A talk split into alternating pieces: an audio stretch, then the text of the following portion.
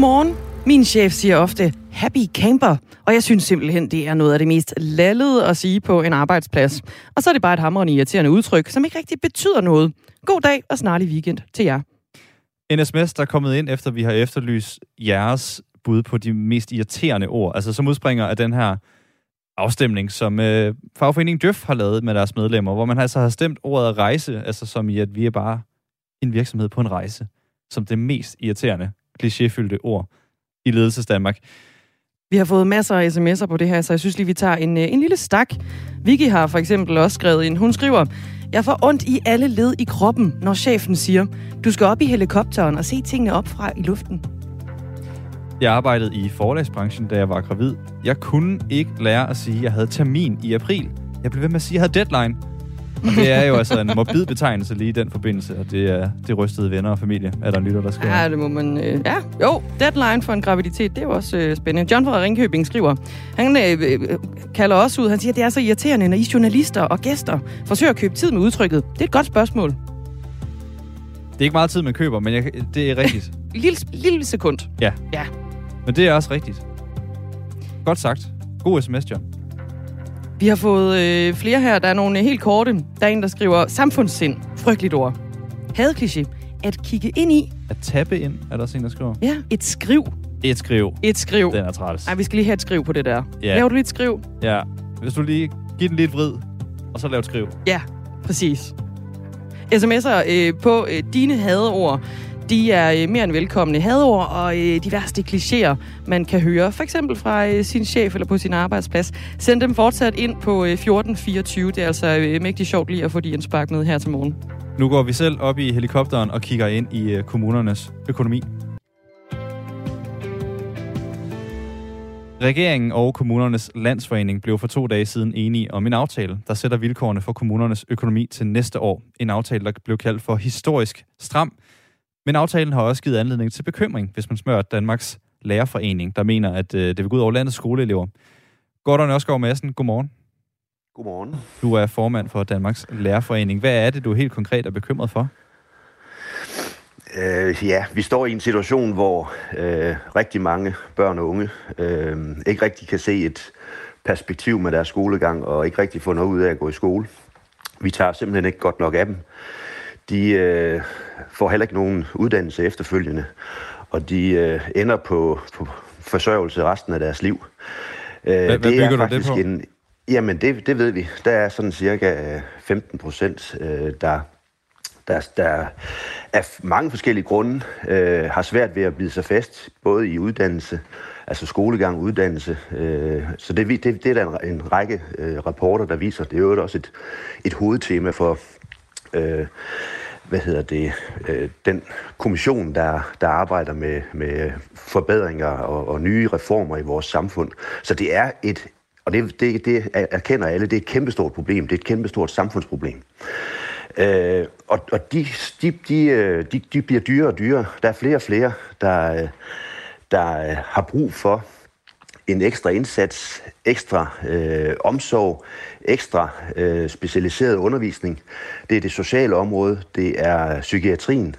Flere unge øh, bliver psykisk øh, syge for psykiske lidelser. Alt det øh, er et kæmpestort samfundsproblem, og det adresserer man slet ikke i øh, økonomiaftalen. Det eneste, man gør, det er at øh, regulere øh, budgetterne for, for, at der er flere børn, øh, der skal i daginstitutioner og skoler i, i den kommende tid. Fordi der bliver flere af dem, der er større overgang. Men, men, og så at der kommer flere ældre. Men hele den kæmpe store problemstilling, som sluger øh, rigtig meget økonomi ude i, i kommunerne, det øh, har man øh, lukket øjnene for. Som en del af aftalen, så løftes rammen for velfærd med 1,3 milliarder kroner i forhold til aftalen for 2022. Vi kan lige høre her, hvad øh, finansminister Nikolaj Vammen selv sagde. Det er en aftale, hvor regeringen også leverer på det velfærdsløfte, vi har givet til danskerne, nemlig at når der kommer flere børn og flere ældre, det gør der heldigvis, så følger pengene med. Øh, men derudover har der ikke været ret meget mere, vi har kunne give øh, fordi vi er i en situation, hvor vi virkelig skal være tilbageholdende med at sætte i gang i tingene derude, nu hvor inflationen er så høj. Gordon Ørskov Madsen, formand for Danmarks Lærerforening. Hvorfor er det ikke godt nok med et løft på 1,3 milliarder kroner? Jamen, jeg, anerk- jeg anerkender jo fuldstændig, at vi står i en enormt vanskelig økonomisk situation. Og det er også godt, det skal jeg også huske at sige, det er godt, at der er et løft i forhold til, at der bliver flere børn, der bliver flere ældre i kommunerne, som kommunerne skal tage sig af. Så den del er faktisk helt okay. Men det, der er problemet ude i kommunerne, ude hvor virkeligheden finder sted, det er, at der er en ret stor gruppe børn, unge og også voksne med sociale problemer, med problemer med at kunne bide sig fast i skolegang, i øh, ungdomsuddannelser, i, på, på job, øh, på, øh, på arbejdsmarkedet. Og, og de kræver altså en større og større indsats, fordi problemet vokser. Og den del øh, sluger en større og større del af kommunernes økonomi. Og når den så gør det, hvor skal man så finde pengene? Jo, det bliver til besparelser på de almindelige velfærdsområder, for eksempel skole, eller daginstitutioner, eller ældrepleje. Og, og dermed så, så er det en udhuling af, af, af økonomien med den økonomiaftale, der ligger nu. Og det vi har brug for, det er faktisk investeringer i fremtiden. Det er investeringer i børn og unge, så vi undgår, at der er så mange, der kommer på forsørgelse senere i livet, fordi de ingen uddannelse har fået, og fordi de har mistet perspektivet og troen på, at fremtiden bringer dem noget godt. Det har vi brug for at investere i som samfund, og det er den opgave, vi står over for nu. Og det håber jeg, at både regering og kommuner og alle os, der er parter øh, i det her, vi prøver at, at, at tænke øh, nyt, tænke øh, øh, ud af boksen, men også ind i boksen. Altså sådan, at vi får skabt nogle løsninger for det her. For det er altså investeringer, der er helt nødvendige for at undgå, at udgifterne stiger på den lange bane til, øh, til at tage os af de mennesker, som slet ikke kommer ind på arbejdsmarkedet senere i deres liv. Hvis vi øh, i stedet skulle putte flere penge ind i skoleområdet, som du jo her advokerer for, Gordon Ørskov Madsen, så skulle du jo spares på andre områder. Hvor, hvor skulle det jo så være? Jamen, jeg siger ikke, det er let det her. Og jeg har faktisk ikke sådan lige den gyldne løsning. Og, og det er også derfor, jeg er glad for, at Reformkommissionen med Nina Schmidt i spidsen øh, har taget det her problem alvorligt. Det er et enormt samfundsproblem. Men hvis vi nu kunne øh, opstille nogle økonomiske modeller, hvor vi tænkte i investeringer i gode liv, i stedet for at lappe på, øh, på nogle øh, liv, øh, på nogle tilværelser, som er gået i stykker, fordi vi ikke har sat ind tidligt nok, så skal vi jo flytte pengene derfra, altså til at, fra at vi, at vi prøver at, at lappe på noget, som, som er gået galt i folks liv. Så skal vi flytte øh, øh, pengene frem i, i tid, sådan at, at vi investerer i børn, i unge, så de får en bedre tilværelse, så de får en uddannelse, så de kommer ind på arbejdsmarkedet. Det er, den, det, er det snuptag, vi lige skal have lavet i, i dansk økonomi. Altså, gør, øh, det er ikke nemt, men, men, men, men jeg håber virkelig på, at det er noget, som man politisk vil lægge sig i scenen for at gøre. Gordon Ørskov Madsen, altså skal jeg forstå det sådan, at du, at du tænker, at de penge, dem kunne man hente fra folk, der, altså det område, der behandler folk, så man i stedet flytter pengene over i dem, der forhindrer, at folk skal i behandling? Ja, øh, men vi kan jo ikke gøre det fra den ene dag til den anden. Det er jo en langsigtet investering, og det kræver, at vi har nogle frigjorte midler nu og her. Og hvordan skaffer vi dem? Det er det gode spørgsmål. Og, øh, men, men, men, men vi, kan ikke bare, vi kan ikke bare sætte os ned med hænderne i skødet og sige, øh, der er ikke penge til den investering nu, fordi det bliver rigtig dyrt senere. Øh, så hvis ikke vi finder penge til investeringer i børn og unge, øh, og det er både på skoleområdet, det er på socialområdet, det er psykiatrien, det er øh, lige, lige når de starter i daginstitutioner osv., og, og lærer sprog, og lære at, og kommunikere og lære øh, øh, det sociale. Det, det er mange ting på én gang. Men, men de investeringer, de gør sig, de er altså både rentable, når vi kigger på menneskeliv, at man får bedre liv, man får en bedre tilværelse ud af det, man bliver en del af fællesskabet, men det er altså også en økonomisk meget, meget fornuftig investering. Men det der det springende punkt, og det medgiver jeg fuldstændig, det er jo, hvordan skaffer vi midlerne til investeringer nu? Hvis vi kigger øh, nogle måneder tilbage, før man lavede forsvarsforliget og brugte rigtig mange milliarder på det, der var der faktisk et råderum i dansk økonomi. Nu er råderum væk, så den her øh, den her investering, den bliver altså svær at, at skaffe midler til. Det er jeg fuldstændig klar over, men vi er nødt til at finde, finde løsninger. Siger altså Gordon Ørskov Madsen, der er formand for Danmarks Lærerforening. Og så flytter jeg ind i ordet videre over til dig, Jakob Sølhøj. Godmorgen. Godmorgen. Du er undervisningsordfører for Enhedslisten. Hvad siger du til alt det, som vi har hørt fra Danmarks Lærerforening lige nu? Jamen, jeg deler i det store hele øh, Gordon Ørskovs øh, betragtninger. Altså, det er jo fuldstændig rigtigt, at den, øh, den økonomiaftale, der blev lavet i, øh, i, øh, i onsdags mellem, øh, mellem øh, finansministeren og KL, at den øh, kommer til at lægge et voldsomt pres på, øh, på velfærden bredt set. Øh, vores vurdering er, at der vel mangler en, en, en øh, halvanden milliard for bare at kunne øh, fastholde den eksisterende øh, velfærd på det niveau, den er i dag. Og det vil sige, at, at med den stramme, meget, meget stramme øh, hvad hedder det, aftale, der er lavet, øh, så er det svært at se andet, end, end at kommunerne skal ud øh, og finde, øh, finde besparelser i, øh, i deres budgetter i, i 2023. Og der er det jo desværre nærliggende at sige, at sådan et stort område som, som folkeskoleområdet kommer til at holde for. Og, og det er, vi, er, vi er meget forundret over, at, at det er kommet dertil, for vi har jo lagt en anden linje øh, sammen med regeringen, altså fra enhedslistens side. Men, men Jacob Sølhøj, vi... altså alle skal jo spare. Hvorfor mener du, at øh, det er økonomisk ansvarligt, at, at skoleområdet skal gå fri? Ja, ja, nu er det jo lige præcis sådan, at alle ikke skal spare. Øh, det fremgår meget tydeligt også, at, at den øh, melding, som, som kommunernes landsforening gav, øh, Øh, da de præsenterede aftalen, det var jo, at, at øh, økonomien er kommet under tryk af det nationale kompromis, øh, det såkaldte kompromis, der er lavet på, på forsvarsområdet. Det betyder jo, at der årligt skal bruges 18 milliarder kroner mere øh, på militæret. Og, og det betyder, at hele det økonomiske råderum, der var øh, for staten, øh, har haft rigtig, rigtig, en, en rigtig god økonomi igennem flere år. At hele det økonomiske råderum, der var, det er sådan set brugt på, på et øh, forsvarsforlig.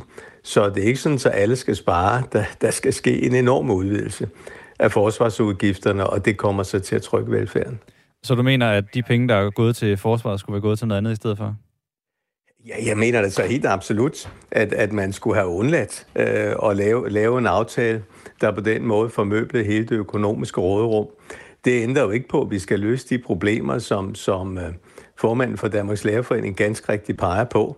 Men det betyder at vi er nødt til at gå ud og finde ny finansiering. Vi er jo som bekendt ikke med i det forsvarsforlig, og, og det har jo været passende, om den, der indgik, der også havde finansieret det. Men det har de jo ikke. Der er jo ikke fundet finansiering overhovedet på det.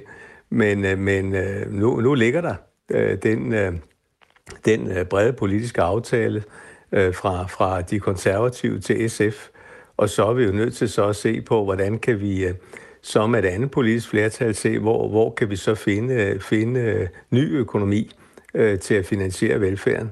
Så det er ikke fordi, vi på nogen måde har opgivet, at der skal ske velfærdsforbedringer. Vi kan bare sige, at de penge, der var, de er blevet brugt til militæret, så må vi jo så øh, gennem, øh, gennem skatfinansiering øh, finde nye midler til velfærden.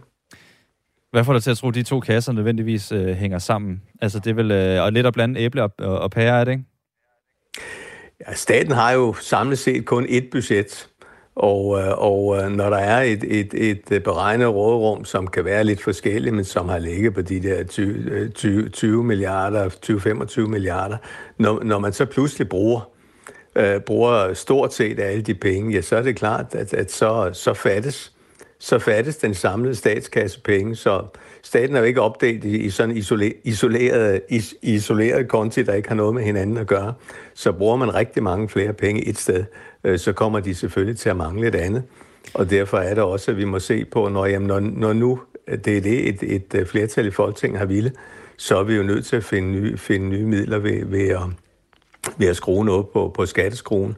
Det synes vi sådan set er beklageligt, øh, når der nu var en god øh, økonomi i staten, men det kan jo være det, vi bliver, vi øh, bliver nødt til at gøre.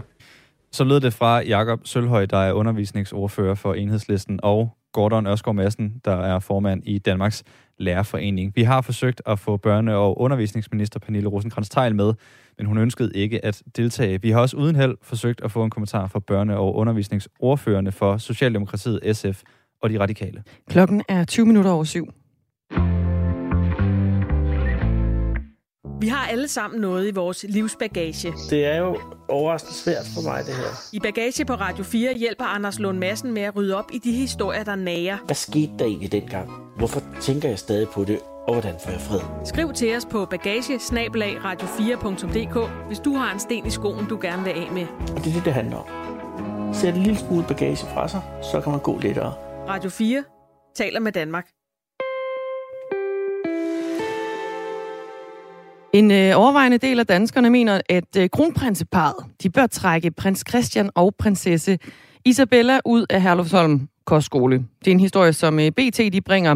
De har nemlig fået foretaget en YouGov-undersøgelse fra den 3. til den 6. juni. Og man har spurgt danskerne, om de er enige eller uenige i, at kronprinseparet bør trække deres børn ud af Herlufsholm. 17 procent, de har svaret, at øh, de er helt uenige eller delvist uenige, og børnene de skal altså fortsat gå på skolen. 29 procent, de er sådan lidt enten eller, hverken enige eller uenige. Og så er der altså et flertal på øh, 37 procent, som øh, synes, at børnene her, de skal tages ud af skolen. De svarer helt enige eller delvist enige. Så vidt er altså et øh, flertal af danskerne i den her undersøgelse, som, øh, som mener, at kongehuset de bør droppe at have deres børn på den her omstridte kostskole. Forleden der meldte kongehuset jo nemlig, at øh, Isabella, prinsesse Isabella, efter planen skal begynde på kostskolen fortsat øh, til august. Det har ligesom hele tiden ligget i, øh, på beding. Og prins Christian han får også lov til at fortsætte sin skolegang på kostskolen. Det er en bekræftelse, der kommer efter TV2 jo sendte den her øh, dokumentar om skolen, som afslørede krænkelser og voldelig kultur på øh, kostskolen, og som kongehuset jo egentlig tog øh, ret skarp afstand fra. Nu har de så haft øh, betænkningstid og besluttet sig for, at øh, ungerne de fortsat skal have lov til at øh, gå på skolen. Det kan selvfølgelig også være, at de har snakket med børnene, som stadigvæk gerne vil gå på skolen. Det kunne være en mulighed. Øhm, men i hvert fald så er der øh, 37 procent af danskerne, et flertal, som øh, mener, at børnene de skal tages ud af, af skolen. Lige nu der er der en øh, advokatundersøgelse i gang om, hvad det egentlig er, der er foregået. Og den afventer vi stadigvæk, fordi vi ved heller ikke, hvornår den sådan set udkommer, den her uvildige advokatundersøgelse, hvornår den er færdig, og kan give nogle flere svar på, hvad det egentlig er, der er foregået.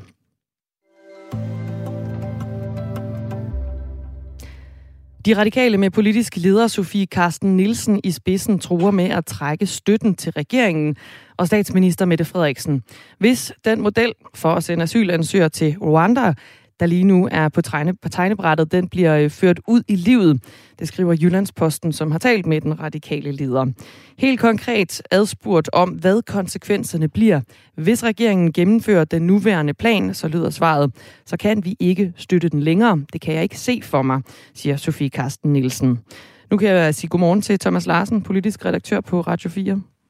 Godmorgen. Godmorgen. Hvor stor alvor skal man ligge i udmeldingen fra øh, Sofie Karsten Nielsen? Ej, det er virkelig en alvorlig melding, som de radikale øh, kommer med. Øh, det kan næsten ikke blive mere alvorligt, når man siger, at man er parat til at trække støtten til regeringen. Og det skyldes simpelthen, at de øh, radikale, de ikke mener, at man vil kunne lave den her løsning med at lægge asylbehandling uden for Danmarks grænser i et afrikansk land. De er helt overbevist om, at det vil komme til at kollidere med de internationale konventioner, som vi skal arbejde indenfor. Og det er simpelthen derfor, at de nu har valgt at skære helt igennem, fordi der har jo været diskussion om det her i lang tid, og så sige til regeringen, at hvis I lander en aftale med et land som Rwanda, så er vi altså så parate til som radikale at trække støtten til jer. Og det vil så sige ultimativt, så kan regeringen jo vælte i sådan en situation øh, planerne om øh, asylansøgere, danske asylansøgere i Rwanda har været øh, i gang i ret lang tid. Hvordan kan det være, at den her melding den først kommer nu fra radikale? Ja, det er et godt spørgsmål, og der tror jeg altså, man skal se på øh, udviklingen i dansk øh, politik øh, lige nu, fordi for få dage siden, der gik Mette Frederiksen, der gik statsministeren ud i et stort interview i Jyllandsposten, og der kom hun jo med den meget overraskende melding, der gik på, at hun var klar til at se på, om der skulle laves altså en større og bredere regering med deltagelse af flere partier. Og det betyder pludselig, at de radikale jo også altså begynder at se sig som et parti, der muligvis skal ind i sådan en regering. Så jeg tror i virkeligheden, at det vi er vidne til nu, det er de radikale venstre, der er i gang til at positionere sig til de forhandlinger, der vil komme efter næste folketingsvalg. Og der gør de radikale det så klart nu, at hvis øh, man skal lave en regering, hvor de skal være med, altså, og hvor Socialdemokratiet og de radikale skal arbejde sammen, så bliver det helt uden den her Rwanda-model. Socialdemokratiet fremlagde første gang ønsket om et modtagelsescenter uden for Danmark tilbage i 2018. Regeringen har øh, dog endnu ikke øh, sådan landet en konkret aftale om et modtagelsescenter for asylansøgere, også selvom den tidligere udlændinge- og integrationsminister Mathias Tesfaye både har besøgt og også forhandlet med det afrikanske land med henblik på lige netop sådan en aftale. Ideen om øh, lige præcis Rwanda er Socialdemokratiet ikke ene, ene om. I april måned indgik Storbritannien en aftale med landet om at sende asylansøgere dertil. Og de øh, første asylansøgere fra, fra Storbritannien ventes at flyve mod Rwanda den øh, 14. Juni, altså om bare fire dage. Det gælder asylansøgere, som siden 1. januar er kommet ulovligt ind i, øh, i Storbritannien. Udmeldingen kommer jo netop også, mens valgtrummerne de, de, de bulrer, der er relativt kort tid til et, et folketingsvalg, sådan lidt uanset. Det er jo inden for et år, det skal øh, skal udskrives. Hvad, hvad, hvad, hvad for en betydning får den udmelding i den øh, kontekst? Ja, man kan jo godt øh, være fristet til at sige, at det måske er en øh, gratis udmelding her og nu.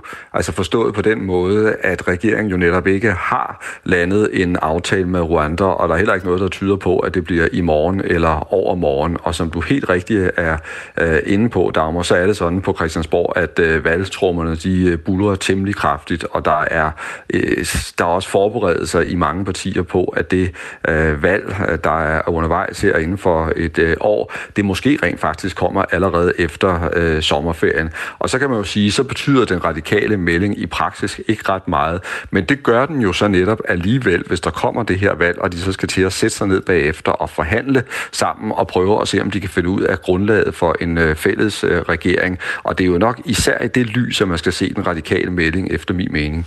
Kan man øh, på nuværende tidspunkt overhovedet forestille sig et kompromis øh, i forhold til planerne om et modtagecenter uden for Danmark mellem Socialdemokratiet og de radikale?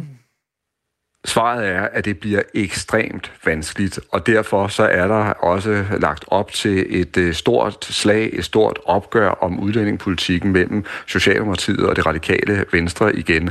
Og problemet for begge partier er jo, at der simpelthen er grænser for, hvor langt de kan gå i forhold til at nå hinanden i det her spørgsmål. Man skal jo lige huske på, at for Mette Frederiksen, der var det helt afgørende at lave en mere stram udlændingepolitik, både fordi hun mente, det var nødvendigt, men i virkeligheden også for at komme øh, igennem til mange af de vælgere, der i en lang overrække har valgt at opholde sig i Dansk Folkeparti.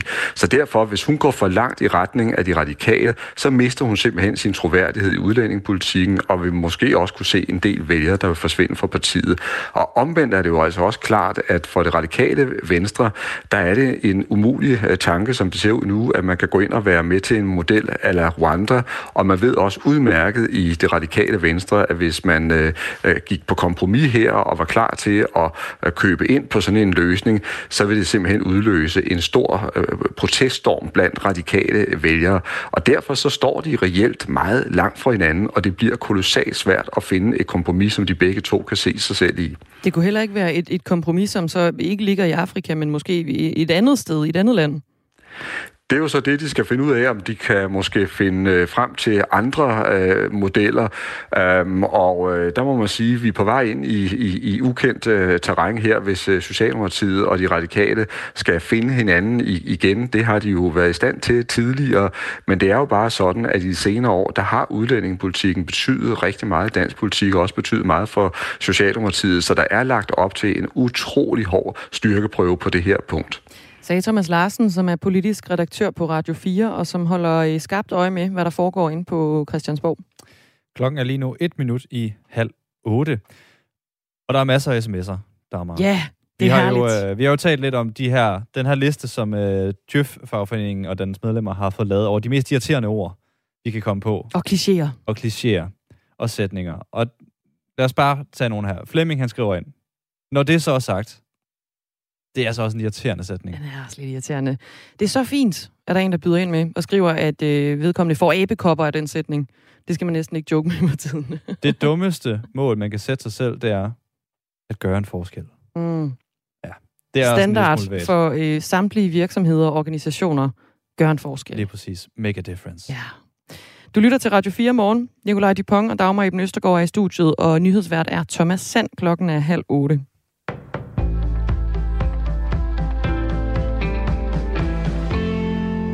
Ventelisterne vokser for unge med psykiske problemer. I dag skal unge vente op mod 6 måneder for at få en tid hos en psykolog. Det fortæller fungerende formand i Dansk Psykologforening, det er Seidenfarten. Jeg tror, det er kommet bag på os alle sammen, hvor stor en mængde af unge vi har i vores samfund, som har det rigtig dårligt og som har brug for behandling for at kunne fungere i deres hverdagsliv. Hun fortæller, at unge i snit skal vente over et halvt år på gratis psykologhjælp, hvis de har angst eller depression. Unge mellem 18 og 24 år har siden 1. januar i år haft adgang til gratis psykologhjælp gennem en ny ordning, hvis de er blevet ramt af angst eller depression. Det blev vedtaget som led i finansloven sidste år. Det har imidlertid fået de unge til at valgfarte til landets psykologer i en sådan grad, at det har presset ventetiderne yderligere i vejret. En del psykologer tager derfor ikke længere imod flere patienter og har altså lukket for optag til deres ventelister. Dansk Psykologforening har der også været nødt til at opfordre de psykologer, der er tilknyttet ordningen til at dæmpe aktiviteten. Det skyldes, at den pulje penge, som er blevet øremærket gratis psykologhjælp, bliver brugt for hurtigt, hvis ikke man stopper op. Frygten er dog, at opbremsningen vil skabe endnu længere ventetid. Foreningen mener, at der findes omkring dobbelt så mange unge med behov for behandling, som ordningen kan rumme i dag. Donald Trumps påstande om, at valgsejren var blevet stjålet fra ham med svindel og humbug, var pure sludder og vrøvl, har ekspræsidentens justitsminister William Barr sagt til den amerikanske kongres i en video, som blev vist til den første offentlige høring i sagen om stormløbet på kongressen den 6. januar 2021. Og ekspræsidentens datter Ivanka Trump, der tjente som rådgiver i Trump-regeringen, var heller ikke overbevist af sin fars argumenter. Jeg respekterer justitsminister Barr, så jeg tog, hvad han sagde for gode varer, siger hun til kongressen. Citatet kommer fra en afhøring, som et udvalg i kongressen har foretaget af Ivanka Trump. Bider af videooptagelsen af høringen blev, ligesom videoen af William Barr, vist til den offentlige høring om angrebet. Høringen er den første offentlige om angrebet. Den bliver holdt af et særligt udvalg, som er blevet nedsat for at opklare, hvad der lå til grund for angrebet, hvor flere hundrede betjente blev såret og en mistede livet. I alt fem mennesker mistede livet i forbindelse med angrebet. Angrebet fandt sted få uger inden demokraten Joe Biden skulle tages i ed som landets nye præsident. Antallet af udsatte familier, der har søgt om feriehjælp gennem møderhjælpen, er næsten fordoblet på et år, det skriver organisationen i en pressemeddelelse. Mange familier bliver i høj grad presset af de stigende el-, varme- og fødevarepriser, der blandt andet har været en konsekvens af krigen i Ukraine. Derfor har de været nødt til at skære oplevelser ud af budgettet. De rekordmange ansøgere til vores feriehjælp fortæller jo en meget trist historie om, at alt for mange børn i Danmark lever i familier, hvor økonomien er så dårlig, at børnene står uden for fællesskabet, siger Møderhjælpens direktør Nina Thomsen i meddelelsen. Når familierne dårligt kan få hverdagen til at hænge sammen, er det klart, at der heller ikke er råd til fritidsaktiviteter eller sommerferie. Antallet af ansøgere er steget til 3.263 i år.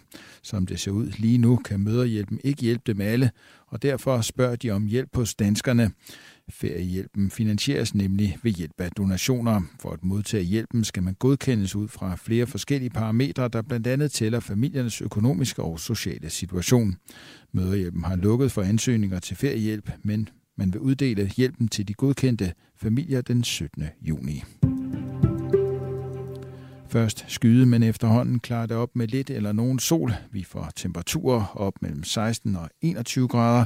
Ved kyster med pålandsvind lidt køligere. Let til jævn vind fra vest og sydvest ved kysterne stedvis op til frisk vind.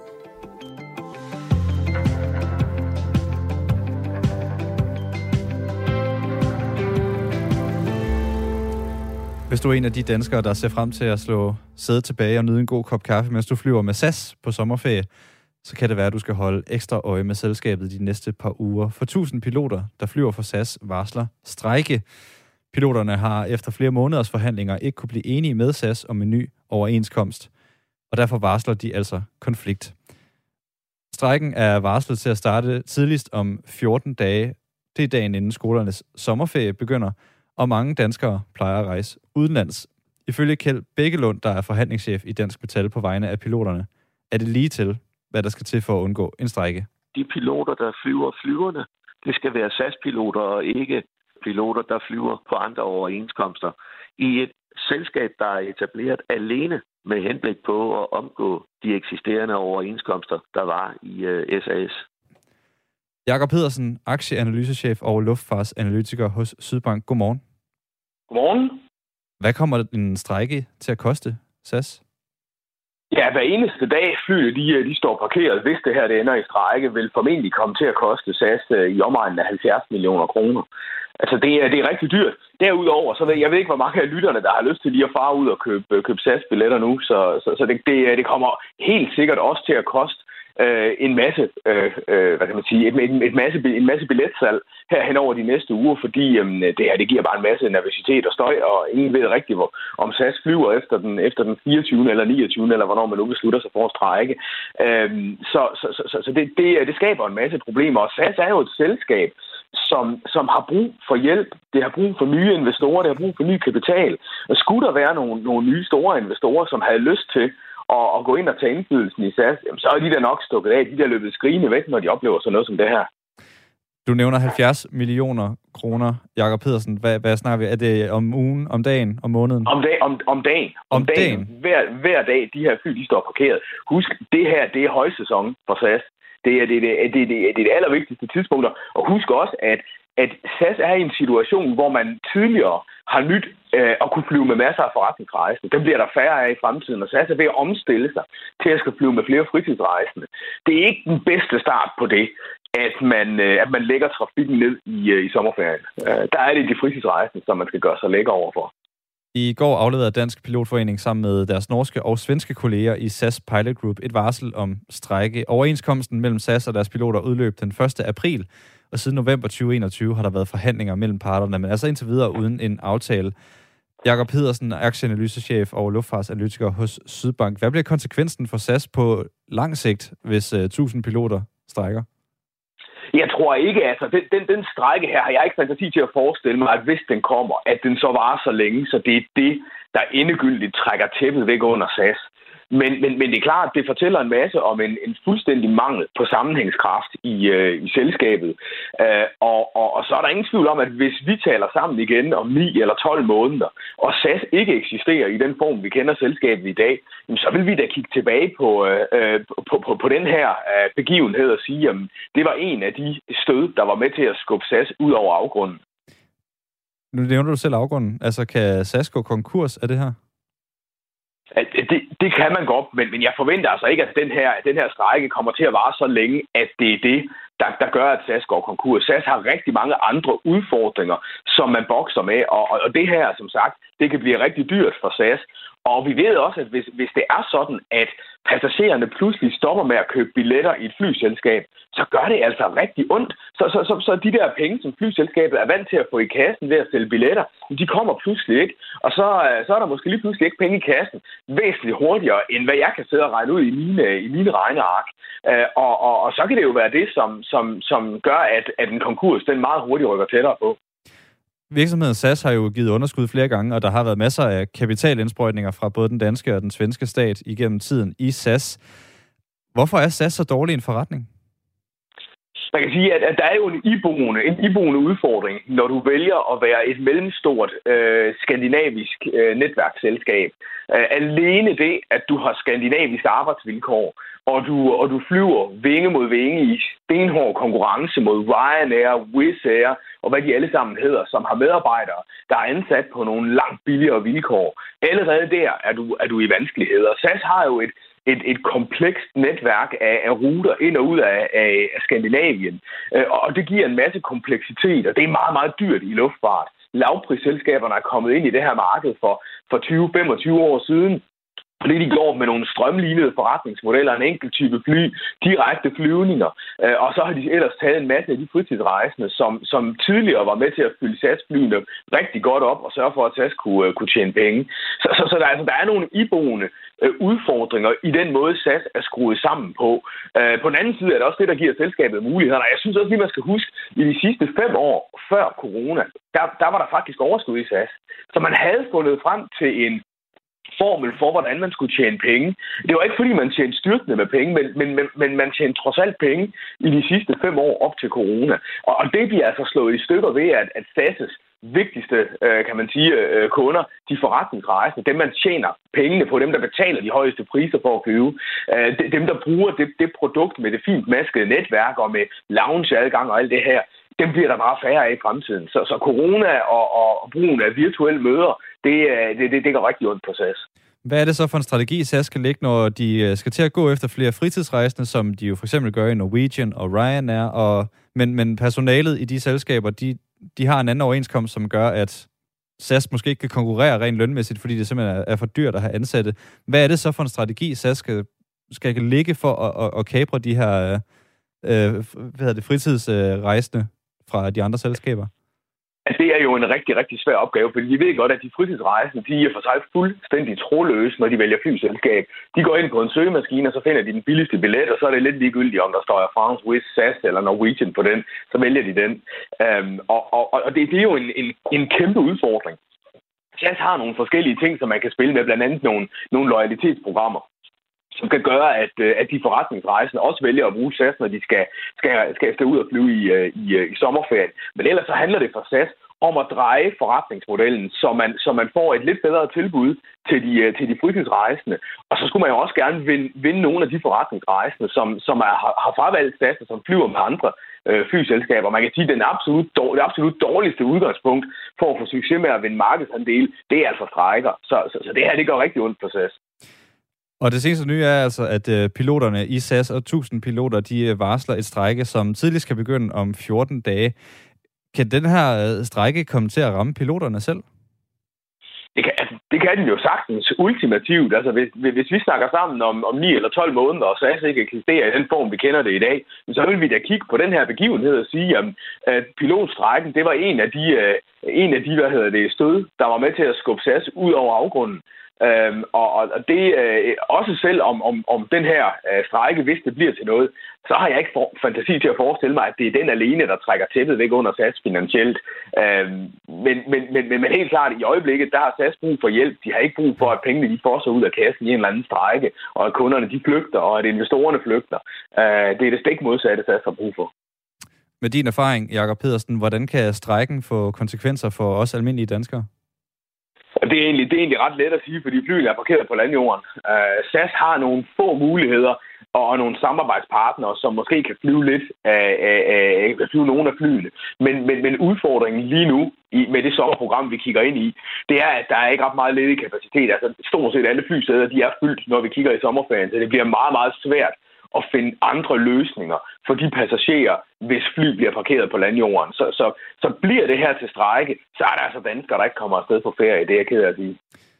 Sådan lyder ordene fra Jakob Pedersen, aktieanalysechef og luftfartsanalytiker på Sydbank. Og for luftfartsanalytiker kan vi nu sige godmorgen til dig, Vagn Jelsø. Vagn Jelsø.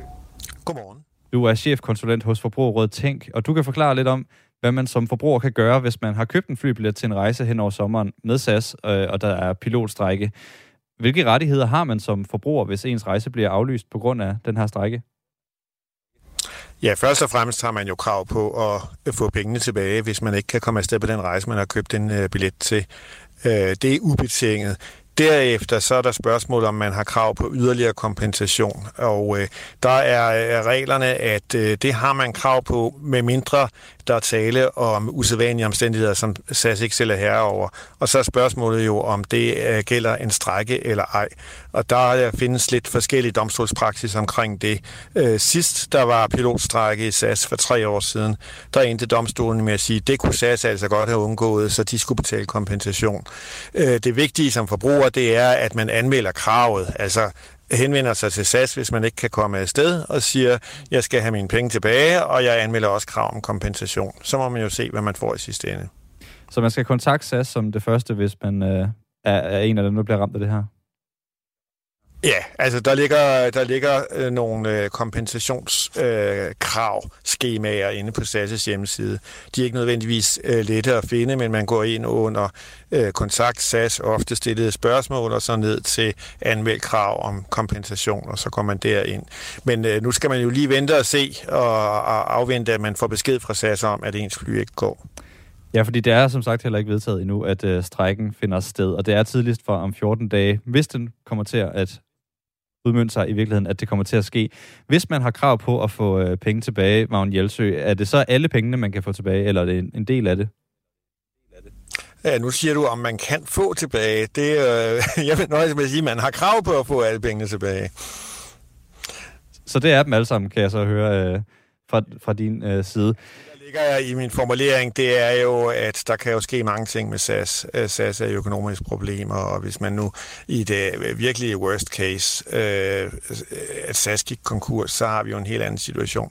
Øh, men, men, øh, men man har i hvert fald krav på at få pengene tilbage, og øh, efter øh, loven, der har man faktisk krav på at få dem tilbage inden syv dage. Og der må jeg jo så desværre også sige, at under pandemien, der så vi jo, der var, øh, hvor alle flyafgange tilbage i foråret 20 blev aflyst, og der var altså folk, der stadig et år efter ikke havde fået deres penge tilbage fra SAS. Så det er ikke, øh, det er ikke sikkert, at SAS øh, kommer med de penge, de skal betale lige inden for den dato, loven foreskriver. Men, men man har krav på det. Der er jo nogen, der tager en øh, tidlig sommerferie, og det skal være dem vel ondt. Men øh, hvis man nu flyver til, øh, lad os sige, Italien, og har en dejlig ferie, og man skal, SAS, man skal med SAS hjem, og det fly pludselig ikke går, så man ender med at strande et eller andet sted i en anden lufthavn. Hvordan er man så stillet som, øh, som forbruger? Hvad skal man gøre? Hvad skal man gøre? Ja, altså man skal kontakte SAS og bede dem om at, øh, at få en bragt hjem, øh, og øh, indtil SAS kan gøre det, så er det SAS, der skal betale for ens udgifter til hotel og ophold, rimelige udgifter. Og, og så må man jo simpelthen få en aftale i stand med dem om, hvor hurtigt de kan bringe en hjem og, og godkende af de, de udgifter, man har. Så lyder det altså fra Vagn Jelsø, chefkonsulent i Forbrugerrådet Tænk. Lige nu er klokken 14 minutter i 8. De fleste af os husker billeder fra Capitol Hill i Washington, da vrede demonstranter angreb og vandaliserede kongresbygningen den 6. januar 2021, altså sidste år. Nu er det så kommet frem, at øh, angrebet på kongressen var et kupforsøg, som daværende præsident Donald Trump stod i spidsen for. Det øh, kom frem for nogle timer siden under åbningen af kongressens første offentlige høring i sagen, som blev vist direkte på nationalt tv i USA. Ifølge Anne Alling, som er journalist bosat i USA, så blev høringen brugt til at skabe et overblik over, hvad kommissionen, der har efterforsket sagen i et år, er kommet frem til. Og det, de gjorde, var altså, at de virkelig fokuserede hårdt på, på Trump, at de satte ham i fokus fra starten af. De sagde, at de nu synes, mente at have beviser for, at øh, præsidenten han prøvede at stoppe øh, magtoverdragelsen, altså overdragelsen af præsidentembedet, og så kaldte de øh, angrebet på kulminationen på et kupforsøg, og sagde, at volden altså på ingen måde var tilfældig. Øh, og så sagde de også, at Trump, mens alt det her stod på, så har de beviser for, at Trump han ikke gjorde noget for at stoppe angrebet angrebet, øh, at han hverken ringede til militæret, forsvarsministeriet eller nationalgarden, men at det var vicepræsident Pence, der endte med at skulle gøre det. Så altså et stort fokus på Trump, som øh, komiteen nu siger, og som de i løbet af de næste fem høringer her også vil vise beviser for, at, øh, at han ligesom øh, var en, en, havde en stor rolle i, i angrebet på kongressen. Stormløbet mod kongressen bundet, øh, som nævnt i, at demonstranterne mente, at Joe Biden vandt præsidentvalget på grund af snyd, og derfor så skulle øh, valget underkendes, mente demonstranterne. Sikkerhedsfolk de fik barrikaderet døren og øh, skød en demonstrant. I alt der døde fem personer, heriblandt også en politibetjent. Demonstranterne nåede frem til det kammer i bygningen, hvor politikere fra både repræsentanternes hus og senatet var ved at godkende valgresultatet. Efter den første høring, så er øh, det helt store spørgsmål nu, hvad for nogle konsekvenser det kan få for Donald Trump, at der er beviser for, at han var involveret i angrebet på kongressen, siger Anne Alling. Nok, øh, siger komiteen, de har øh, fældende beviser, og vi hørte også flere af dem, flere af dem også sådan kommet ud i løbet af de seneste 11 måneder. Men komiteen består jo af politikere, øh, primært demokrater og to republikanske politikere, og de har kan ligesom ikke øh, dømme øh, Trump. Øh, det her er ikke en retssag, det er en, en efterforskning, altså en høring, som de har lavet. Så, så de kan på den vis ikke gøre noget, men det de kan, og det de håber, håber, det er, at Justitsministeriet de vil tage denne her sag op efterfølgende, øh, og altså at Justitsministeriet de vil starte en reel retssag mod de involverede, som både er Trump, men også en række andre politikere og, og almindelige borgere. Og det vil kunne få, øh, få konsekvenser for Trump, men, øh, men det er altså noget, som, som kræver, at Justitsministeriet tager fat i denne her sag, øh, og komiteen håber, at de vil bruge deres, deres beviser til den sag. Sådan fortalte Anne Alling, som er journalist bosat i USA ovenpå den den øh, første høring øh, i forbindelse med angrebet på kongressen i januar sidste år. Lige nu er klokken 10 minutter i 8. Så skal de til det igen. Det er landets sundhedsordfører, jeg taler om, fordi de er indkaldt til et orienteringsmøde om den nye coronavariant BA5, som ifølge Statens Serum Institut kommer til at være den dominerende variant de kommende 1-3 uger. BA5 er en variant under omikron-gruppen, og den er mere smitsom end den nuværende variant, som dominerer lige nu. Derfor så skal sundhedsordførende mødes om øh, lidt kl. 8 i Sundhedsministeriet. Og øh, der er en, der er på vej til mødet lige nu. Det er Per Larsen, sundhedsordfører for Konservativ. Godmorgen. Godmorgen. Har du savnet at være med til de her øh, corona-orienteringsmøder? Nej, det har jeg bestemt ikke. Vi vil da gerne være fri for corona. Med den seneste udvikling, hvor, hvor bekymret er du så over udsigten til en, øh, en stigende coronasmitte?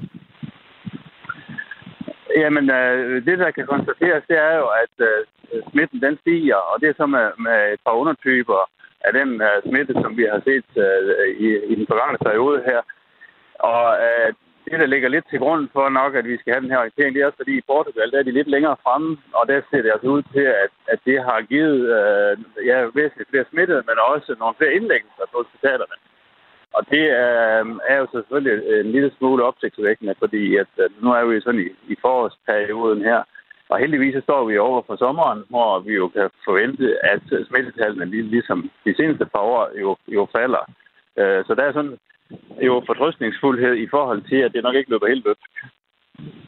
Ifølge en risikovurdering fra Statens Serum Institut, som TV2 er kommet i besiddelse af, så er der på nuværende tidspunkt ikke tegn på, at infektioner med den her nye variant, som øh, sundhedsordførende skal til orientering om, altså BA5, er mere alvorlig end tidligere.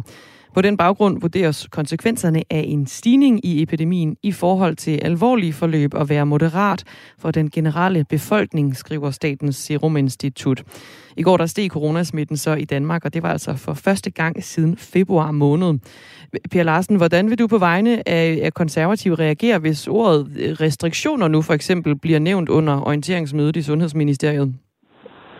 Jamen, det kan jeg ikke forestille mig, det kommer til at ske forløbig. Altså, vi, vi står jo på kanten af sommeren her, hvor vi jo har en god effekt af, at vi er meget mere ude.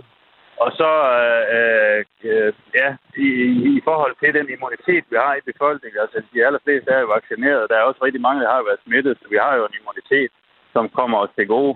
Men der, hvor jeg kan være lidt bekymret, det er jo i forhold til de, de ældre og de mest svækkede, øh, skal vi til at have kigget på, og måske have givet dem det fjerde stik. Det er jo sådan noget af det, der, der godt kan være interessant at vide øh, fra Statens og, og sundhedsmyndighederne. Per Larsen, vi har jo tidligere talt om rettidig omhu i forbindelse med, med corona. Burde man ikke gribe ind øh, bedre før end, end, end senere? Jo, derfor havde jeg også øh, ministeren i samrådet her tidligere på ugen for at, at få en vurdering af, hvordan man kigger på det i ministeriet. Fordi at øh, hvis det er sådan, at når vi kommer til efteråret, at vi så skal vaccineres øh, alle sammen og have et, et stik mere, så kan der måske godt blive nogle kapacitetsproblemer. Og derfor tænkte jeg, at det måske kunne være fornuftigt nok, at man måske tog de ældste, og hvis der er nogen med øh, immunsvækkelse i det hele taget, at man ligesom fik dem trukket ud af ligningen, øh, hvis der kommer høje smittetal til efteråret, så man måske godt kan formode. Hvad med alle de festivaler, der er skudt i gang nu? Jamen, igen, så, så øh, er det jo min opfattelse, at vi jo er, er vaccineret i en, en meget, meget høj grad øh, sammenlignet med andre lande med nogle rigtig gode vacciner. Øh, og, og så går vi jo altså ind i sommerperioden her, hvor mange aktiviteter de foregår udendørs, så det ved vi også, det ligger også lidt på smittetallene. Så jeg synes altså, at årstiden taget i betragtning, så kan man jo være rimelig fortrøstningsfuld. Det er jo et øh, orienteringsmøde, du er, er på vej ind til, Pia Larsen, sundhedsordfører for konservativ. Altså indkaldt til øh, orienteringsmøde om corona ved, ved Sundhedsministeriet. Har du nogle, øh, nogle krav eller nogle forslag med til det her møde, du, du går ind til? Nej, det her er ikke nu. Nu lytter vi til øh, fremlæggelse af den risikovurdering. Og så er der selvfølgelig mulighed for at stille nogle spørgsmål i forhold til, hvordan sundhedsmyndigheden vi ser på det. Øh, og, og så øh, tager vi det derfra. Og, og, og som sagt, så er jeg rimelig fortrøstningsfuld, fordi at vi jo er et godt sted for året her lige på kanten af sommeren, og, og samtidig med, at vi jo har en rigtig god immunitet i befolkningen. Du lytter til Radio 4 Morgen, hvor vi lige nu taler med Per Larsen, sundhedsordfører for Konservativ. Og Per Larsen, sommerperioden nævner du her som argument. Øhm, sommerperioden betyder også, at der kommer mange turister til Danmark. De kan jo være smittet. Lad os sige, der kommer nogen fra Portugal. Er det en risiko, I er opmærksom på også? Uh, ja, det er vi jo på den måde, men altså, uh, det er jo den samme variant, som, som er nok også bliver dominerende i Danmark, så jeg tror ikke, det gør, gør en stor forskel. Men det kan vel betyde, at smittetallet i Danmark hen over sommeren trods alt kan stige kraftigt, og så skal man vel også have en eller anden form for beredskab klar? Ja, og beredskabet, kan man så sige, det har vi jo indbygget i, uh, i den gode vaccinedækning, vi har i Danmark, samtidig med, at der uh, altså også er rigtig mange danskere, som har været smittet. Så, så uh, kombinationen af at være vaccineret og samtidig have, uh, have været smittet, den er jo rigtig god. Vi har fået en sms apropos vaccinedækning. Der er en her, der skriver, vaccinen dækker kun 2 til fire måneder. Hvor mange er det, han påstår er beskyttet af vaccine i Danmark? Har du et svar til det, Per Larsen? Nej, og det er jo blandt andet noget af det, som jeg gerne vil have sat Serum Institut til at, at gøre lidt mere redde på, for god uh, immunitet har vi i den danske befolkning. Men når man læser den uh, rapport, de uh, jo lavede og fik uh, tilsendt i går, så uh, anskueliggør den jo også, at vi har en rigtig god immunitet i den danske befolkning. Fordi vi netop har brugt nogle rigtig gode vacciner, og fordi at, at, at, at den danske befolkning har taget godt imod vaccinerne. Sådan sagde øh, Per Larsen, sundhedsordfører for øh, konservative. konservativ. Og man kunne høre, at han var øh, undervejs. Der var god vind også her i, i telefonforbindelsen, vi havde igennem. Han er nemlig på vej til Sundhedsministeriet, fordi om ja, fire minutter, så skal han altså til møde. Og det er et sådan et corona-orienteringsmøde, der er blevet ja, genoptaget, fordi der er stigende smitte lige nu. Katrina skriver også ind, jeg håber godt nok ikke, de har tænkt sig at lukke noget som helst igen på grund af en forkølelsesvirus. Det lyder altså ikke sådan på Per Larsen, som om, at der er de helt store restriktioner på vej. Vi har talt om hadeord her til morgen. Åh oh ja. Åh oh ja. Der er, mange af dem. Der er mange af dem, og vi har jo også opfordret øh, dig, der lytter med, til at sende dine hadeord, eller sådan øh, klichéer og floskler, send dem herind, hvis du har nogen. Der har vi fået øh, rigtig, rigtig mange sms'er på, øh, på den historie. Det kommer om på en øh, undersøgelse, som Djøf har, øh, har lavet. Lige præcis. Djøfs medlemmer har lavet en afstemning om, hvad for nogle ledelsesord, der ligesom er de mest irriterende klichéer og floskler, der findes derude. På listen finder man blandt andet øh, sådan noget som at være alignet, som jo vel egentlig bare betyder, at vi er enige om et eller andet. Det med fremadrettet er også på listen. Ja. Det er der også en, der har puttet ind med. Da, det er Kenneth, han skriver på sms'en, når folk siger fremadrettet om noget, der ikke er fysisk. Ja, det er den der med fremover og fremadrettet, den der lille ordkløver. Vækste, ja-hatten er der også øh, blevet nævnt. Den er der også en her. Ditte, hun skriver, jeg er så pisse træt af ja-hatten. Hvis der kun er plads til det positive, bliver miljøet falsk og distancerende. Den forskruer sandheden på Trumps vis. Der skal være plads til både skepsis og positivisme. Sådan er virkeligheden jo. Venlig hilsen, Ditte. Der er også lytter, der skriver en stop med at sige indspark. Find på noget nyt. Godmorgen. Og kalde et årti for nullerne er tåbeligt. Man starter jo med enere. Ligesådan starter børnene i 0. Det første, de lærer, er altså et ord, der ikke findes, skriver Niels ind fra Aarhus. Der kommer snart valg. Det har vi hørt de sidste to-tre år, at der er en lytter, der skriver ind, og kommer til at høre det hver dag indtil juni 2023. Det er nok rigtigt. I hvert fald indtil det bliver udskrevet. Hadeord, som kommer fra djøfferne og ned på os læger på sygehusene, er ordet kvalitetssikring og lignende ord. Medfører ofte ligegyldige tiltag som papirnusseri med heldig hilsen Mahmoud, som er læge på Esbjerg sygehus. Der er en masse hadeord derude, og der er sikkert også nogen, der afhænger af branche. Du må meget gerne melde ind med dit øh, hadeord, din hadefloskel, din hade i hvert fald bare ting, der er træls at høre på. Det er 1424, der er nummeret, du skal skrive ind på. Lige præcis. Vi uh, taler også med den her historie om Christian Ørsted om ikke så længe, der er foredragsholder og ledelsesrådgiver. Han er med her i, uh, i Radio 4 morgen, og det er altså på den anden side af en omgang uh, nyheder. Jeg tror, det bliver omkring mm, 26 minutter i 8, som det ser ud lige, uh, lige pt. Derudover så har vi altså også i den øh, kommende time, skal vi huske at sige, der vender vi tilbage til øh, et element her i Radio 4 morgen. Vi har været omkring en hel del siden den 24. februar. Det var jo, da Rusland invaderede Ukraine. Spørg om krigen er øh, med os igen i dag. Der skal vi altså øh, runde dine spørgsmål, som øh, du måtte øh, sidde med i forbindelse med, hvad der foregår i Ukraine lige nu. Hans Peter Mikkelsen er med her til morgen. Han er selvstændig forsvarsanalytiker, og ham kan du altså øh, stille spørgsmål til, så dem kan du også sende den her vej ind til 1424. Det er nummeret, og det er om cirka en lille times tid, lad os sige tre kvarter, at vi taler med øh, Hans Peter Mikkelsen. Så send endelig dine spørgsmål ind om krigen i Ukraine, hvad der er senest nyt, eller om der er et eller andet helt specifikt, du har hørt, som du gerne vil have svar på. Nu kan du få flere svar i nyhederne med Thomas Sand. Klokken er 8.